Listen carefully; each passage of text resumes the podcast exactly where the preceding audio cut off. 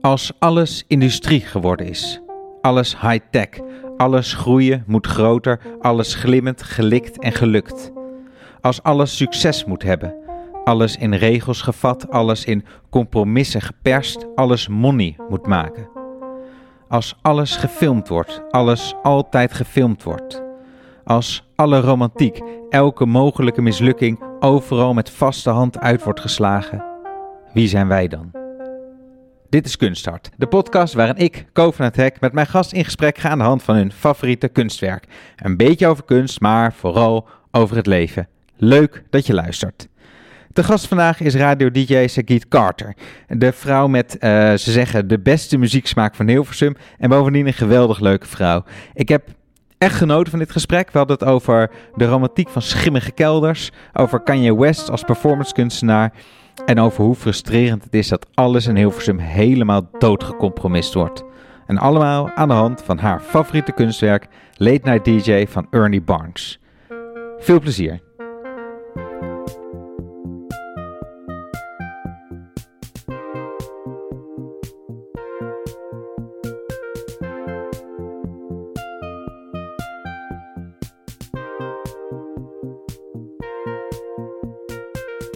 Sagit Carter, goed dat je er bent. Dankjewel, bedankt voor de uitnodiging. Uh, je bent radiomaker bij 3FM. En uh, Stan van Engelen, de chef van de VPRO, geloof ik, die heeft ooit over jou gezegd dat jij de, degene bent met de beste muzieksmaak van heel 3FM. Oh ja, dat was ik even vergeten. Was je dat vergeten? Ja. Oh, want ik dacht, mij gaat het elk interview begint volgens mij hiermee. Nee, nee, nee. Wat vind je van die uitspraak? Um, ja, super lief maar ook wel heftig. Ja, heel heftig lijkt dat. Ja. Wat, wat, Ja. wat, wa- waarom is het heftig? Ehm, omdat in mijn hoofd staat dat dan een beetje een soort van gelijk aan dat de rest dat dus dan niet heeft. En, dan, ja. en dan voelt het een beetje een soort van, ja, dank je, denk ik. dat is het een beetje. Je wilt Maar er is ook een soort druk misschien die het met zich meebrengt, of valt dat mee? Eh, dat valt op zich wel mee. Ook gewoon omdat ik persoonlijk vind ik muzieksmaak ook heel subjectief. En dat is denk ik ook wel een beetje hoe ik mijn show probeer te benaderen. In the sense of like, ik, ik wil niet eh, het gevoel geven van dat alles wat ik zeg is goed en alles daarbuiten is slecht, zeg maar. Dus ik neem het ook wel een beetje met een korreltje zout. Oké, Ja, oké, ja. Ja. Want, en wat, eh, wat, waarom, wat is er zo mooi in radio maken? Ehm, ik denk dat het audio-only is. Dat het een live aspect heeft, eh, vind ik ook heel erg vet. Dat je het gewoon niet meer terug kan nemen. Het moment dat je het hebt gezegd, heb je het gewoon gezegd. En je kan er helemaal niks meer aan doen. Nee, deze podcast zouden we kunnen editen. Doen we niet zo heel erg veel, geloof ik. Maar dat is wel, eh, ja, dat is nog een soort mogelijkheid. En met live radio heb je dat natuurlijk niet. Ja, waardoor je echt geforceerd wordt om in het moment te zijn. En ik ben best wel iemand die daar moeite mee heeft. Dus ik vind het best wel mooi dat ik nu gewoon eh, vier dagen in de week, drie uur lang, elke dag gewoon echt compleet in het moment ben. Ehm, en heel erg bewust ben van de dingen die ik zeg en hoe ik het zeg. En eh, wat ik wil zeggen. Is het ook echt een ander, ander soort stand ook die je aanzet? 100 procent. Ja, iemand zei laatst een keer, omdat ik dacht, het- soms dan ben je na een uitzending ben je echt uitgeput. Ik denk iedereen die radio maakt kan zich daar wel in, in vinden. Terwijl ik denk, ja, ik heb gewoon drie uur achter de microfoon gezeten van hoe, hoe zwaar kan dat zijn? Maar toen zei iemand een keer, ja, maar je staat drie uur lang hyperfocus, sta je echt aan. Dus eigenlijk is elk uur radio is eigenlijk twee uur, moet je dat Ja, zien? Dus toen ja. dacht ik, oh ja, zo voelt het ook. Het voelt gewoon alsof ik zes uur lang Ja. gewoon helemaal hyperfocus, Ja, nee, heel bewust bent geweest met alles wat je zegt. Ja. Dat is best wel, best wel intens. ja, nee, ik herken dat wel. Ik ben ook altijd na zo'n gesprek als dit. En dan, ook hoe leuk het gesprek ook is. En misschien hoe makkelijk het ook klinkt. Maar je staat zo aan dat je Mhm. daarna echt... eh, het is gewoon heel intensief eigenlijk. Heel erg, ja. En je zei, ik kan, ik kan in normaal gesproken niet zo goed in het moment zijn. Nee. En wat, wat bedoel je daarmee? Mm, ik, er zijn heel veel dingen die ik wil doen. Er zijn heel veel dingen die ik heel vet vind. Dus ik ben, ik ben best wel iemand die heel veel in de toekomst leeft, denk ik. De Veel hele plannen tij- aan het maken. Ja, dus ik ben de hele tijd naar dingen toe aan het leven. Ehm, mijn moeder maakt ook altijd een grapje van... Je, je had vroeger, al vanaf dat je klein was, er was altijd een project. En het kon iets heel stom zijn als... oh, ik wil mijn kamer verbouwen. Of ehm, ik wil deze bank. Of dat soort dingen. En dan kan ik daar heel erg op obsessen, zeg maar. Mhm. En daar de hele tijd naartoe leven. En dan wordt het heel moeilijk om in het moment te zijn. Omdat als het ene project klaar is... dan staat er alweer een volgende Ja. in de wachtrij, zeg maar. Zit, er- maar er zit daar een soort ontevredenheid in over hoe het is? Dat het, dat het anders moet, beter moet? Wel een beetje ontevredenheid. Denk, als in, in, voor mezelf is dat nooit goed genoeg, om het even zo te zeggen. En dat is denk ik ook wel een beetje op werkvlak. Het kan altijd beter. Vind je zelf wel een goede maker? Ehm, onderweg, Ja. denk ik. Ik denk onderweg. Ik vind mezelf niet slecht, zeker niet. Maar ik ben er nog lang niet. Wat kan er beter? Wat moet er beter? Ehm, als we het specifiek hebben over radio maken, Ja, denk ik. Ik denk, dat ik ja. nog, ik denk dat ik nog meer in het moment zou kunnen zijn. Ik denk ook dat ik eh, toevallig... Het is heel grappig dat je deze vraag stelt. Want ik heb nu afgelopen week heel veel feedbackgesprekken gehad. Ja. En dat heb je dan ook als je bij radio werkt. En ehm, eh, nummer één feedback wat ik heb gekregen is... dat ik opener moet zijn en eigenlijk nog meer mezelf. Hmm. En als je radio maakt, heb je soms best wel een valkuil dat je je presentatie zelf aanzet. En ik word nu heel erg aangespoord om die uit te zetten en gewoon echt mezelf te zijn. En dat is best wel. Het klinkt heel makkelijk, maar het is best wel moeilijk. Waarom is dat? Wat, wat vind je daar moeilijk aan? Nou, omdat ik denk dat iedereen heeft toch een werk zelf en je echte zelf, Mhm, denk ik. mhm. Ook gewoon als je bijvoorbeeld hoe je met mensen praat en, en hoe je beweegt. Dat is een hele andere zelf dan als je gewoon thuis bent. En eigenlijk hebben ze tegen me gezegd van... oh ja, we willen meer de Sagit die thuis is en gewoon met haar vrienden praat op de radio. En dat voelt gewoon heel persoonlijk en heel raar... omdat die scheidslijn tussen privé en werk wordt dan heel dun. Ja, en het is ook wel kwetsbaar, denk ik. Om, ik Zeker, bedoel, ja. het, is ook, het is ook een mooie vraag, van laat meer Ja. van jezelf zien. Maar het, is ook, ja, het vraagt ook een soort intimiteit misschien van jou. Om, Precies.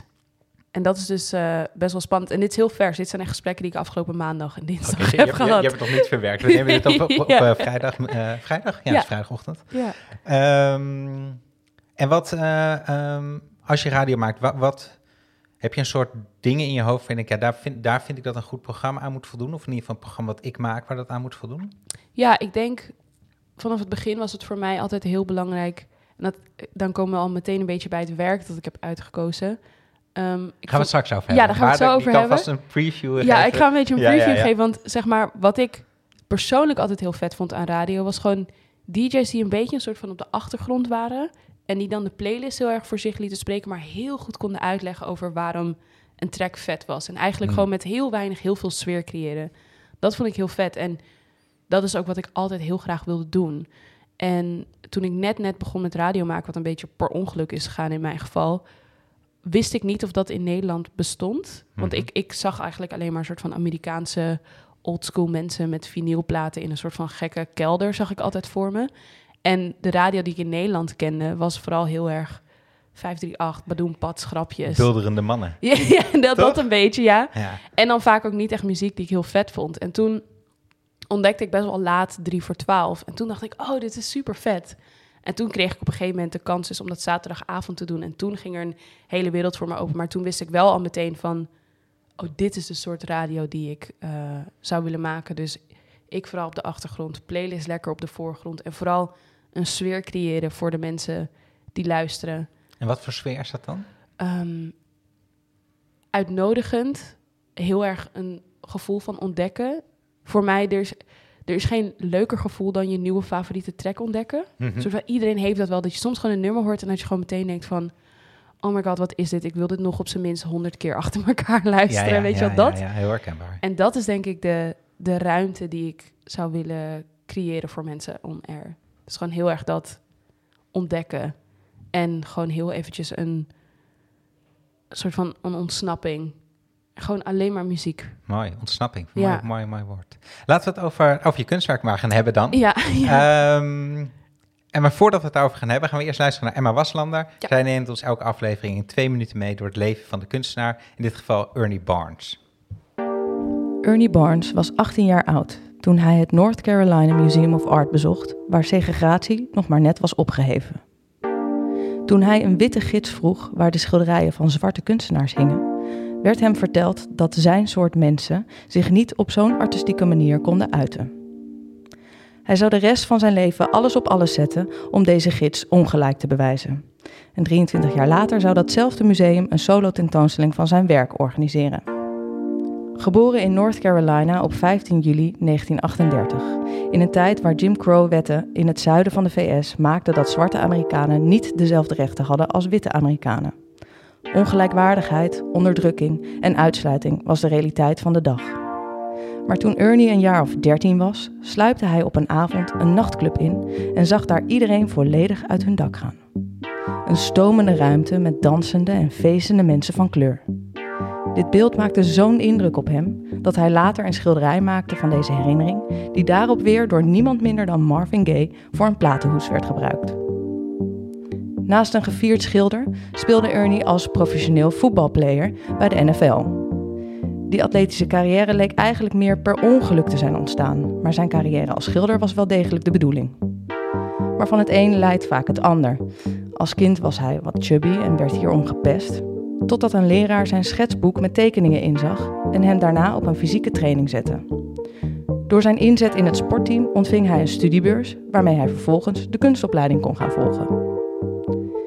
In zijn schilderijen zie je een eigen en kenmerkende stijl met een focus om zwarte cultuur en community als levendig, vreugdevol en ook bescheiden af te beelden.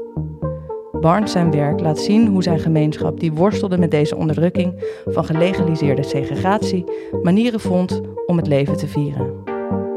Hij creëerde daarmee een unieke en nieuwe manier om de Afro-Amerikaanse beleving te verbeelden en te bekijken.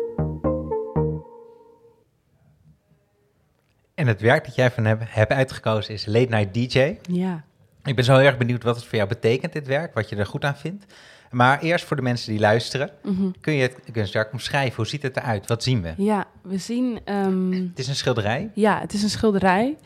En je ziet een zwarte vrouw in echt een best wel fabulous rode jurk. Ze heeft een vinylplaat in haar handen en ze buigt naar voren naar een microfoon om, denk ik, te gaan vertellen welke plaat ze gaat draaien. En je ziet ook een martini glas. En het is dus eigenlijk precies wat ik net een beetje omschreef. Een soort van, die, een soort van gekke kelder heb je het idee. Je vraagt je af van waar zit ze? Je ziet op de achtergrond zie je allemaal vinylhoesen. En het heeft een hele... Ik denk dat mensen wel begrijpen als ik zeg een hele jazzy sfeer. Je weet Hmm. toch, als je denkt aan een jazzclub, denk je aan een ruimte die vol staat met rook, die een beetje donker is, maar tegelijkertijd ook heel sfeervol. Ja.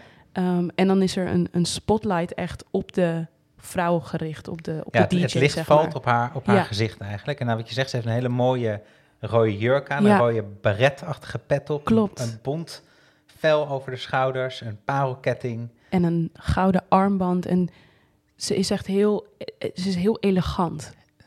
Totaal, ja. Heel elegant, elegant. Is, echt, is echt het goede woord ervoor, ja. Ehm, hele lange, dunne vingers, lange, perfect gelakte nagels, zeg maar. En het, het heeft iets fabulous en tegelijkertijd ook iets heel rauws. Ehm, en, en ook de manier waarop ze in die microfoon spreekt, is heel erg vol zelfvertrouwen. En ook heel erg, ik doe dit gewoon. En, en het contrast is dat ze er zo fabulous uitziet maar een DJ is waarbij mensen toch altijd een beetje denken aan een los persoon die misschien niet zo heel veel geeft om zijn kleding of niet zoveel geld uitgeeft. Dat vind ik dus ook heel vet, want ze ziet er heel rijk en wealthy uit, Ja, maar zit in best wel, nou niet een dodgy, maar een beetje, nou, het is een beetje wel een, beetje een vieze rolletje waar ja, ze in beetje zit. wel, ja. Gewoon niet, niet, niet, niet, niet disrespectvol bedoeld, Nee. maar een hele... eh, ja, een soort, een soort, ja, een soort Niet zo halve kelder. classy, ja, Het is ja. ook best wel klein, een kleine ruimte waar ze in zit. Klopt. Zit op een houten stoel. En dit- zo zit jij er ook bij als jij eh, voor 3FM radio maakt. Ja, ik zit ook met mijn bontjas en met mijn... Nee, nee, nee, totaal niet. Maar wat ik vooral heel vet vind aan... Wat ze in Amerika trouwens nog heel erg hebben... Vooral, vooral Nederland. Volgens mij is Nederland een van de weinige landen die dat heeft. Visual radio. Hm. Dus camera's in de studio's. Dat is iets best wel Europees, Ja. heb ik het idee. Ja. Want ik, ik check wel eens andere radiostations... en die hebben dat niet zo. Waarbij je gewoon elk moment kan intunen... en de DJ altijd kan zien. En ik vind dat soms toch ook wel een beetje de magie weghalen. Mhm, mhm. Ehm, en als ik dus naar, deze, naar dit schilderij kijk, dan... Het is wel gekleed alsof er camera's op zouden kunnen staan. Maar op de een of andere manier vind ik, dat, vind ik het nog intiemer als je niet de mogelijkheid hebt om iemand te zien. Ja, nee, helemaal eens. Dat vind Ja. ik ook mooi aan, aan een podcast maken. Is dat het, ja, dat het zit, die stem zit in je hoofd. Of Precies. de muziek zit in je hoofd. En daar moet je het mee doen. En je ver- verbeelding kan volgens. Dat is ook zo leuk, vind ik, aan dat onze gasten vragen om het kunstwerk te beschrijven. En dat ze ook wel terugkrijgen. Het is verleidelijk om. In de show notes zetten natuurlijk ook eh, eh, een linkje naar hoe het kunstwerk eruit ziet. Dat mensen kunnen zien. Maar het is soms eigenlijk misschien, misschien wel leuk om het niet erop te klikken en het gewoon je te laten vertellen hoe het eruit ziet en jouw verbeelding vervolgens er iets mee te Ja, laten doen. ja, precies dat. Maar, en, ehm, maar dit is een heel, ook best een romantisch beeld, vind ik, van radio maken. Mhm. Is dit ook een beetje wat je ervan verwacht had toen je radio... Want je kende dit... Hoe, wanneer heb je dit kunstwerk leren kennen? Laat ik dat eerst Niet zo lang geleden. Ehm, dat kunstwerk wat Emma volgens mij omschreef, Ja. eh, wat je net hoorde in, in het rubriekje. ehm, geloof ik heeft ze het over Sugar Shack, Ja. als ik me niet vergis. Dat is het kunstwerk van, eh, van een kunstenaar die ik als eerste ontdekte. Dat was zeg maar zo'n kunstenaar wat je in veel zwarte huishoudens zag. Wat ze al vertelde, cover art van Marvin Gaye. Zat ook in een paar Amerikaanse zwarte sitcoms. Dus dat was gewoon een schilderij wat ik heel vaak zag.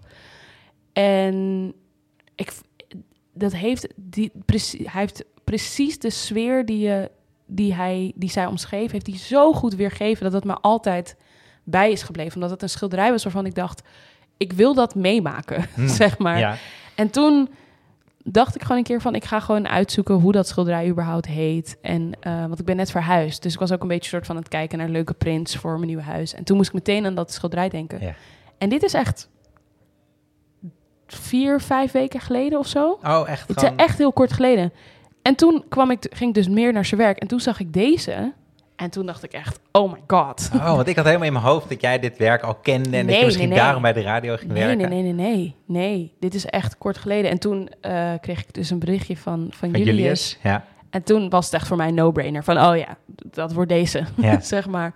Omdat het helemaal aansluit op wat ik nu doe. Ehm, en dus me ook wel weer een beetje terugbrengt naar de kern van waarom ik überhaupt radio wilde gaan maken en het soort radio dat ik wil maken. Ehm, en daar ben ik dus toevallig dus deze week ook weer opnieuw aan herinnerd tijdens die Mhm. feedbackgesprekken Mhm. en zo. Maar je wil eigenlijk die, eh, die oprechtheid en die muziek delen. Mhm. Hij heeft uit een, nou ja, wijze van spreken met een mooie jurk aan, dat, dat delen in plaats van een, in een vies, shabby shirtje een beetje de tijd vol lullen. Ja, maar ook gewoon alle studio's zijn nu natuurlijk ook gewoon super mooi en super high-tech. En eh, hoe fijn ik de feedbackgesprek ook vind, soms heb ik ook wel een beetje het gevoel dat het allemaal moeilijker wordt gemaakt dan dat het hoeft te zijn. Hm? Als je begrijpt wat ik bedoel. Omdat eh, er is een hele industrie omheen gebouwd, weet je wel. En dat, is, dat kan soms ook wel een beetje de magie er een beetje uithalen, heb ik het idee. Want als ik dus zo kijk, of bijvoorbeeld als ik vroeger dacht aan Red Light Radio, wat er helaas niet meer is, maar gewoon Mhm. aan al die online radiostationnetjes die gewoon oppoppen, gewoon puur uit liefde voor muziek dat rauwe, dat vind ik het, het allervetst. En soms kan je dat gewoon vergeten op het moment dat je gewoon in een hele mooie high-tech studio zit met acht mensen die alles voor je kunnen fixen. En, en er is een regel en je moet eerst twee tracks draaien. En dan, snap je, dan, dan Ja. wordt dat hele... ehm, En de romantiek er ook een beetje ja, uitgehaald, wordt toch? er gewoon een beetje uitgehaald. En het lijkt me ook dan lastig inderdaad, in zo'n, wat je mij ook zegt, in zo'n ruimte, dat je dan, ja, die, nou, die warmte eigenlijk die in dat werk van Ernie Barnes zit, die zit niet in die ruimte. Dus Nee. die moet je er zelf dan maar Precies. inleggen. Het is Misschien veel makkelijker om een programma dat jij maakt, zoals het programma dat jij maakt, wat te maken in zo'n soort Ja, eh, eh, kelderachtige situatie, Precies. je- waarin die sfeer ook al zit, dat je die niet meer helemaal zelf hoeft te maken. ja. Want je zit nu met heel veel lichten en, en allemaal camera's. En onbewust gaat dat toch invloed hebben op de manier waarop je dan een, zo'n show presenteert. Weet Ja. je wel? Ja. Wel jammer toch dat die romantiek er zo dan uit is. Ja, maar ik denk dat dat altijd gebeurt met dingen die heel populair worden. Ehm, ik, je ziet dat ook een beetje met podcasts, toch? Mhm. Een beetje gebeuren. Ik weet nog, de, de eerste keer dat ik podcast begon te luisteren, dat is denk ik nu elf jaar geleden of zo. Oh, je was er vroeg bij. Ja, ja, ja. Ja. Dat was elf jaar geleden en er ging echt een hele wereld ging er open. En ik vond het heel weird ook, dat ik dacht van, oh, dit is gewoon een, een guy met een soort van microfoon Ja. in zijn woonkamer en ik heb geen idee waar ik naar luister, maar prima. En nu heb je gewoon productiebedrijven en, en er komen nu ook fo- formules. En soms heb ik ook eh, in Hilversum gesprekken over... Ja, we moeten wel een concept hebben en dat is niet hoe een podcast in elkaar zit. Dat ik zag, huh, sinds, sinds wanneer zijn er regels voor podcasts? Hmm. Dacht ik toen soort van, dat was toch het hele ding van... There are no rules, all you need is a microphone. Ja. Ehm, dus ik denk dat dat een soort van altijd een beetje gebeurt met dingen die populair en groot worden en waar uiteindelijk veel geld mee valt te verdienen. Ja, het is interessant ja, dat die romantiek daar dan met dat succes verdwijnt of Mhm, zo. Weet je wel. Ja. Ehm, je draait vooral popmuziek, denk ik. Of tenminste, popmuziek in de brede zin Ja. des woords. Ja, ik vind het altijd een moeilijk woord, want popmuziek staat voor popular natuurlijk. Mhm. Hoe Ehm, zou je terwijl het zelf omschrijven dan, de muziek die je draait? breed, omdat het gaat echt alle kanten op. Het gaat van eh, alternatieve garage rockbandjes uit de UK tot ehm, underground hip-hop, tot R&B, soul, tot Nederlandstalig. Het is echt van alles. Ja, precies. Maar ik, ik, ja, en ik, ik snap Nee, nee, nee, tuurlijk. Ja, ja. Ik bedoel het meer soort pop ten opzichte van klassiek en jazz of zo. oh, Een zo. soort, Ja, ja, eh, ja. Pop in de hele brede zin. Maar Ja. goed, en, en, maar de vraag is eigenlijk, want dan, van klassieke muziek, eh, daarvan, nou, dat vinden mensen kunst. Mhm. En jazz misschien ook mak wordt ook makkelijker misschien over gezegd dan over een eh, garage bandje uit, eh, uit het oosten van Amerika. En is het, kan het wel kunst zijn? Zo'n bandje? Maar ik denk dat dat hetzelfde is als wat ik net zei, toch over dat iemand zei: je hebt de beste muzieksmaak van 3FM. Het is heel subjectief, kunst, Mhm. denk ik. Ik denk dat een artiest zelf kan bepalen of het kunst, kunst is en de kijker ook. Ja. Maar zijn er, zijn er dan artiesten waarvan jij zegt dat dat vind ik wel echt bij onder kunst vallen? Mm, heel cliché, maar ik denk een Kanye West ook wel. Mhm. Had ik ook al een beetje gezegd. Dat is ook gewoon omdat hij het zelf heel veel schreeuwt. Dus op een gegeven moment heb je ook zoiets van: sure. Ja, ja, ja. ja. dat. Ehm, maar bijvoorbeeld, als ik, ik moet ook denken bijvoorbeeld meteen aan een Moses Samni bijvoorbeeld. Oh, dat ken ik niet. Of Wat is een. dat? eh, nou, ik ben er dus achter gekomen dat muziek, muziekartiesten die kunst maken, kan ik nooit goed omschrijven in welk genre je hun Mhm, muziek zou kunnen mhm. passen. Dus ik, dat is voor mij vaak een beetje een graadmeter of Ja. ik muziek kunst vind of niet. Wanneer je niet zo heel goed kan omschrijven. En dat heb ik dus ook met de Moses Samni. Like, het voelt bijna als een belediging om, om hem aan één genre toe te eigenen of zo. ja? En dat heb ik bijvoorbeeld ook een beetje met een Sufjan Stevens bijvoorbeeld. Mhm, mhm. Die ken ik dan weer wel. Ja, Ja. of eh, snap je een beetje wat ik bedoel? Ja. In wat Nee, voor het- genre zou je hem...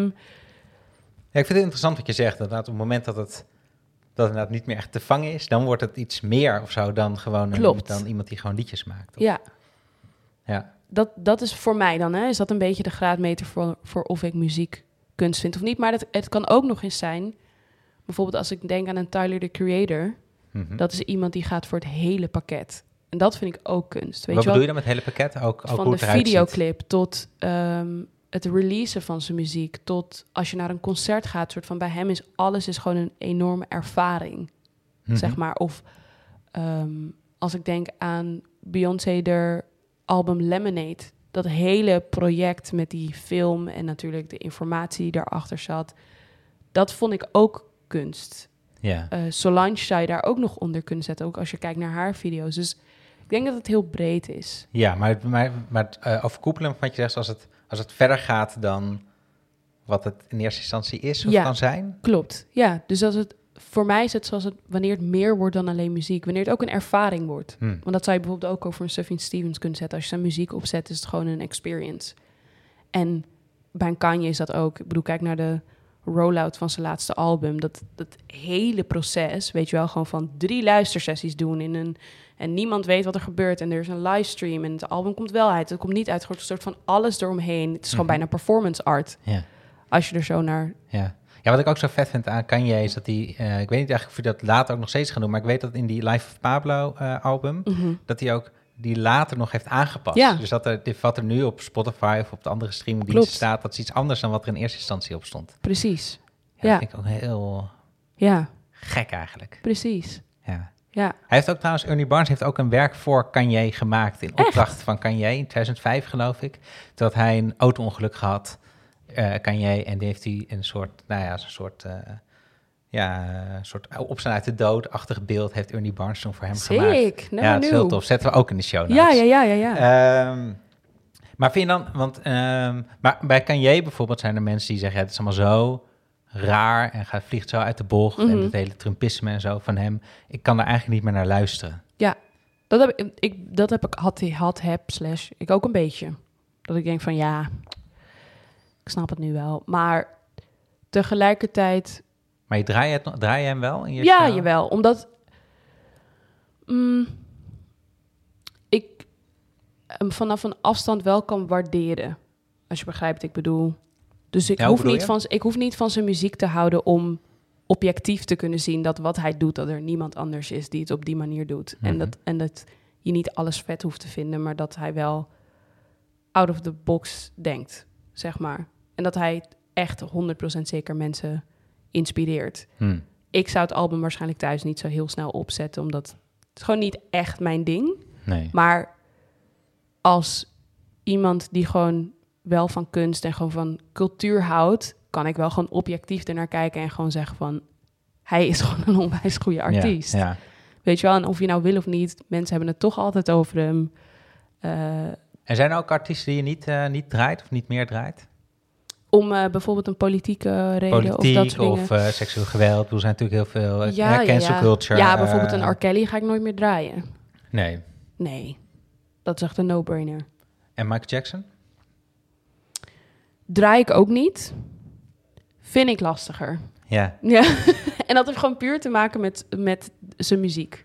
Ja, misschien ook wel de betekenis die hij heeft gehad in het... Zeker, dat ook. Maar vooral meer, gewoon om, als ik heel eerlijk ben, meer om een selfish reason. Dat Oh, ik ja. heel veel van zijn muziek gewoon echt heel goed vind. Ja, dus. Kelly is eigenlijk in die zin makkelijk om dat niet meer te doen, omdat dat, Nou, oké, dat is ook niet dat helemaal grappig was in de jaren Nou 90. ja, R. Kelly heeft ook wel echt zeker jams, maar ja, ja, ik weet niet eigenlijk waarom ik dat. vers- Misschien vind ik gewoon Michael Jackson muziek leuker dan R. Kelly. Ja. Misschien is dat het ook, Ja. waardoor ik het moeilijker of makkelijker vind. Ja. En wat ik vraag, want ik zit er namelijk met in beeldende kunst zijn natuurlijk ook heel ja, veel foute mannen, ja, vooral mannen natuurlijk. En ehm, Picasso bijvoorbeeld moest ik aan denken, dat is nou, een notoire vrouwenhater, hele eh, verschrikkelijke dingen gedaan, gezegd. Eh, maar ook een absoluut icoon in de kunstgeschiedenis. Mhm. En ik hou heel erg van zijn werk. Ehm, maar ma- ja, niet dat jij het antwoord op die een- vraag nee, hebt, maar mag dat nog? Maar ik vind het dus, ik vind dat een moeilijke vergelijking. Om, en ook met de Michael Jackson en een R. Kelly. Want Michael Jackson is dood. Dus als ik naar zijn muziek luister, gaat dat niet naar Michael. En R. Kelly is er nog. Hm. En als ik naar zijn muziek luister, support ik zijn leven. Ah, dus dat is ook nog een verschil. Dat is het meer, dat is voor mij is dat Ja, ja, een ja. ding. Hè? Dus Ja? ik breng letterlijk geld in zijn laadje als ik dat draai, als ik daarnaar luister. Ehm, waardoor het voor mij misschien nog makkelijker is om zo'n scheiding te maken. Eh, dus ja, dat, dat is het. Nee, Daarom ja, vind ik denk ik het verschil tussen een Picasso, want ook hij is er niet meer. En het is ook niet dat jij zijn werk kan kopen, of tenminste, Nee, daar ga ik van uit. daar ga ik van uit. Dus ik ben al voor ehm, het toevoegen van informatie bij, als we het in dit geval hebben over kunst. Dus dat kan je ook bijvoorbeeld hebben over, die discussie was op een gegeven moment toch ook van, moeten we bepaalde schilderijen of beelden weghalen die eh, slavernij verheerlijken of dat Hmm, soort dingen. hmm. Je kan ook denken van, we kunnen het laten staan, maar er moet wel meer informatie bij. Ja. Snap je? je? Ik ben niet voor om te zeggen van laten we het VOC-museum neerhalen. Nee, het VOC-museum moet blijven staan. Maar we kunnen het niet alleen maar hebben over hoe leuk het was. Nee. Eh, we moeten het ook over hebben waarom gingen we er naartoe en wat deden we daar en wat heeft daarvoor gezorgd. Ja. En mensen vinden het altijd best wel heftig als ik die vergelijking maak, maar het is hetzelfde als dat we zouden, ons alleen zouden focussen op dat Hitler best wel een goede kunstenaar was. Mhm. Snap je? Dat is het soort van dat haalt ook niemand in zijn hoofd om, Om zich daarop te, alleen Nee, op te dit, we gaan focussen. dit niet losknippen hoor. Snap je? Snap je? Dat is gewoon een hele. Dat is, daar, daar kan je nu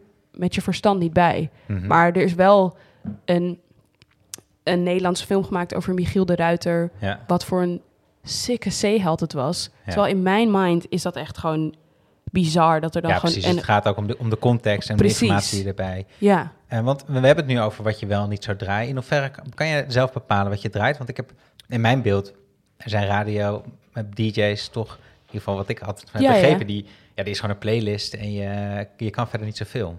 Ehm, hangt heel erg van de stations af. Vaak bij commerciële stations is dat wel het geval. En bij jou nu? Ehm, bij mijn programma specifiek heb ik best wel veel vrijheid. En heb ik, ik heb bijvoorbeeld ook als een van de weinige DJ's echt een eigen playlist samensteller. Ja. Met wie ik gewoon dagelijks contact heb. En aan het eind van de week hebben we altijd gesprekken over welke tracks de playlist wel halen en welke niet. En kan je dan op het moment zelf, kan je zeggen, oh, kan je dan, als jij, in de, als jij de uitzending aan het maken bent, kan je dan denken, oh, ik wil nu dit nummer horen of laten horen? Of is dat dan wel al helemaal... Nou, vaak is dat ehm, van tevoren. Dus Hmm. op maandag hebben we altijd een meeting. En dan heb ik altijd gesprekken met mijn playlistmaker. En dan vraagt hij gewoon van, oké, welke nummers... Zeg maar, ik mag altijd drie nummers doorsturen... welke ik op het moment heel vet vind. En die stuur ik dan op maandag door. En die hoor je dan sowieso die week. Op dinsdagavond heb ik in het laatste uur compleet vrij spel. Dus dan heb ik gewoon een uur lang... waarbij ik alles mag draaien wat ik wil. Dat is mijn favoriete uur. Ja. ja. En ehm, voor de rest is het gewoon vooral heel nauw contact. Maar heb je ook gewoon te maken met de algemene ehm, muziekformule van een station. Waar we rekening mee moeten houden. Dus er zijn wel bepaalde tracks die we gewoon moeten draaien. Omdat uiteindelijk ben je wel één station. Maar als drie voor twaalf zijn, dan mogen wij wel uitstapjes maken. Omdat wij dus het alternatieve, Ja, tussen aanhalingstekens. Ja. Zijn, ook, zijn ook dingen niet leuk aan radio maken? Ehm, soms de uren. Ja, want je werkt wel s'avonds. Ik werk van 9 tot 12 s'avonds. Soms als ik, heel, als ik maanden achter elkaar werk, dan breekt dat je op een gegeven moment wel een beetje op.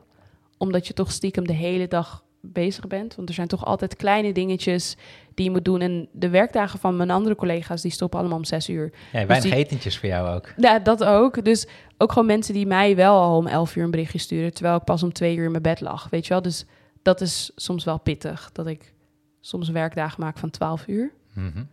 Mm, dus dat vind ik denk ik misschien niet zo leuk. En dus denk ik ook... Hoe ga je daarmee om dan? Lijkt me best wel heftig om zulke lange dagen te maken. En wat je zegt, als je vier avonden in de week, s'avonds... Ja, ik bedoel, te gek dat je op de radio bent, maar het klinkt eh, ook een beetje als een hondenbaan. zeker. Ik ben... Ik heb een werktelefoon Ja. Die ik uitzet op bepaalde tijden. Dat ik gewoon een grens heb gesteld van... oké, vanaf dan ben ik gewoon bereikbaar en daarvoor ook niet. En het was voor mij echt nodig, omdat ik ben gewoon een persoon... als iemand me appt, dan denk ik... oké, gewoon even snel reageren, dan is het uit me... Uit je systeem. Precies. En, maar nu is het gewoon, als ik het niet zie, dan weet ik het ook niet. En dan kan ik gewoon relaxen. Dus dat heeft me heel erg geholpen. En ehm, ja, gewoon meer nee zeggen. En ook leren dingen uit handen geven. Ah ja. Dat ook. Wat heb jij uit handen gegeven onlangs? Ehm, I'm, I'm still working on it. Ja. er komen dingen. Dit zijn de collega's. er zijn komen dingen, die ik uit handen gegeven. Ja. ja. En heb jij een... ehm we hoorden net Emma zeggen dat, er dat eh, Barnes, toen hij jong was, in een museum was, dat iemand zei, nou, dit is niet voor jouw soort mensen. Eh, en daar kwam een soort verbeterheid in hem los. Mhm. Herken je die verbeterheid? Heb jij zo'n soort dat je denkt, ah, ik wil iets, iets moet anders, ik wil iets toevoegen? eh, Ja. Ja. Ik denk wel. Mag ik dit zeggen? Ja, ik denk het wel. Ik denk, ik denk wel ehm, dat als je in Hilversum werkt, als jij een idee hebt, gaat dat door 180 lagen. Dus tegen de tijd dat, er een, dat je die ja krijgt, als je die krijgt, soms is de motivatie dan al weg om dat te doen. omdat het helemaal doodgecompromist is. Ja.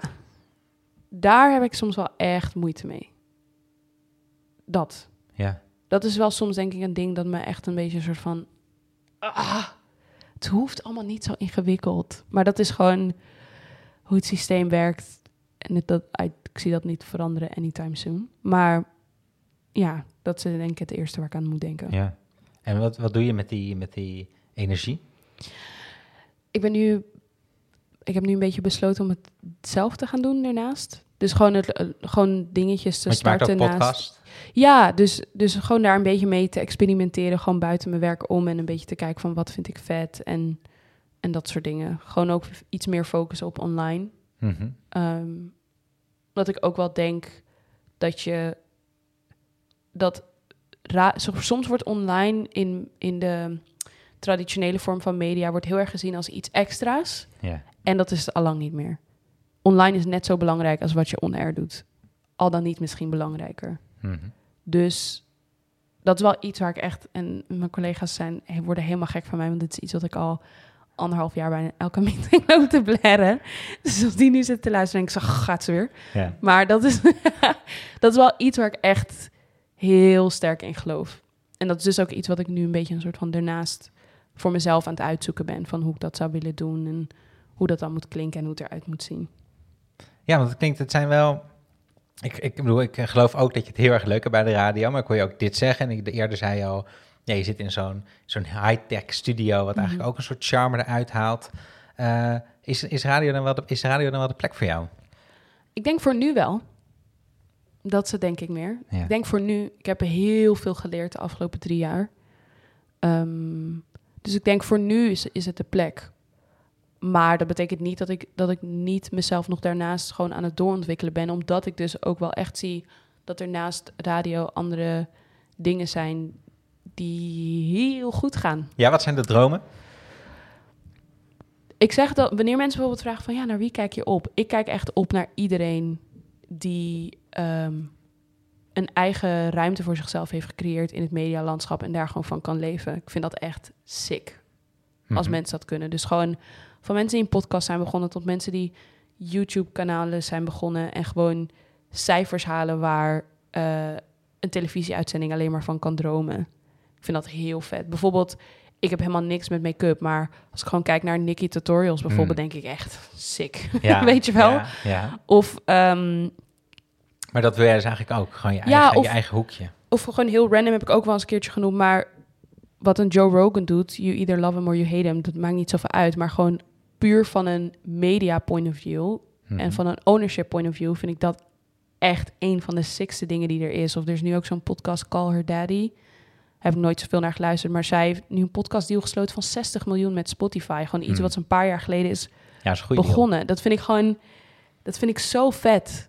Ehm, en ook not to put him on the spot. Maar ook dat Julius gewoon echt gedag heeft gezegd tegen Hilversum en gewoon zijn eigen ding is gaan doen. Ja, Vind ik ook super vet. ja jullie is heel, de, de eh, producer-redacteur ja. van deze, van deze Ja. show, zonder wie ik niemand ben, die daar ook bij zit elke keer. Die ja, af, af en toe ook even genoemd wordt in de podcast, wat ik heel leuk vind. ja. Ja, die is gewoon naar het weggaan bij de radio en dacht, ik ga podcast maken. Ja, en dat is echt totaal niet ten nadele van mijn werk en dat soort dingen. Want ik vind het heel mooi en ik kan zoveel dingen doen. En het heeft me echt, het heeft iets in mij aangewakkerd waarvan ik niet eens wist dat ik het had. Want als je mij tien jaar geleden had gezegd van je gaat bij de radio werken, had ik gezegd. "Mm, ik, eh, really? Oh, oké. Want ik ben er niet op afgestudeerd. Het was nooit op mijn radar. Dat is gewoon een beetje in mijn leven gerold. En dat heeft mijn leven ook gewoon veranderd voor de better. Dus daarom zeg ik ook, nu zit ik er Ja. echt goed. Omdat ik nog veel heb om te leren. Wat ik net al zei, ik ben er nog niet. Maar ja, maar je zei, zie- je, bent ook een, je, bent, je zei ook, je bent, bent een vrouw van projecten. Dus Ja, ja, ja, iets waar, ja, waar ik ja. aan aan het werk ben. Ja, en er zijn misschien ook projecten die dan bij de NPO er niet goed doorheen komen, omdat er ja. nou, 150 eh, eh, mensen ook nog overheen moeten plassen voordat je het kan maken. Wat, eh, wat is het project dan? waar ik nu mee bezig ben. Ja, wat, wat gaan we... What's next? Ehm, weet ik nog niet. Dat ben ik mezelf ook aan het leren. Om gewoon soms gewoon te maken. Omdat soms wat je juist ook heel erg kan doodstaan... is dat je het idee hebt dat je idee eerst helemaal uitgedacht moet zijn... voordat je ermee mag beginnen. En dat is bij mij denk ik tot nu toe altijd mijn valkuil geweest. Dus dan heb ik helemaal een idee bedacht en dan ga ik dat doen. En dan op een gegeven moment heb ik gewoon een beetje iets van... oh, ja, oké, ik weet het niet meer. En dan loop ik vast. Hmm. En nu heb ik mezelf eigenlijk gewoon de vrijheid gegeven om gewoon te gaan maken. En op een gegeven moment hoop ik gewoon dat er iets blijft plakken. Ik, heb wel, ik moet wel blijven maken. Maar hoe dat het er precies uit moet zien en wat dat dan precies is, dat laat ik nu gewoon even vrij Ja. of zo. Ja, vind ik wel mooi dat je dat zegt. Dat ook dat durven, het durven nog niet te weten en, en, Ja. en, het ook te laten gebeuren. Maar ik hoopte eigenlijk dat je zou zeggen, ja, ik ga als, als, als de vrouw in het kunstwerk van Ernie Barnes, ga ik in een kelder zitten met een, eh, met een rode jurk aan en draai ik de platen die, die mij aan het hart gaan. Ja, dat zou heel vet zijn, maar dat is qua met muziek en logistiek is dat heel moeilijk.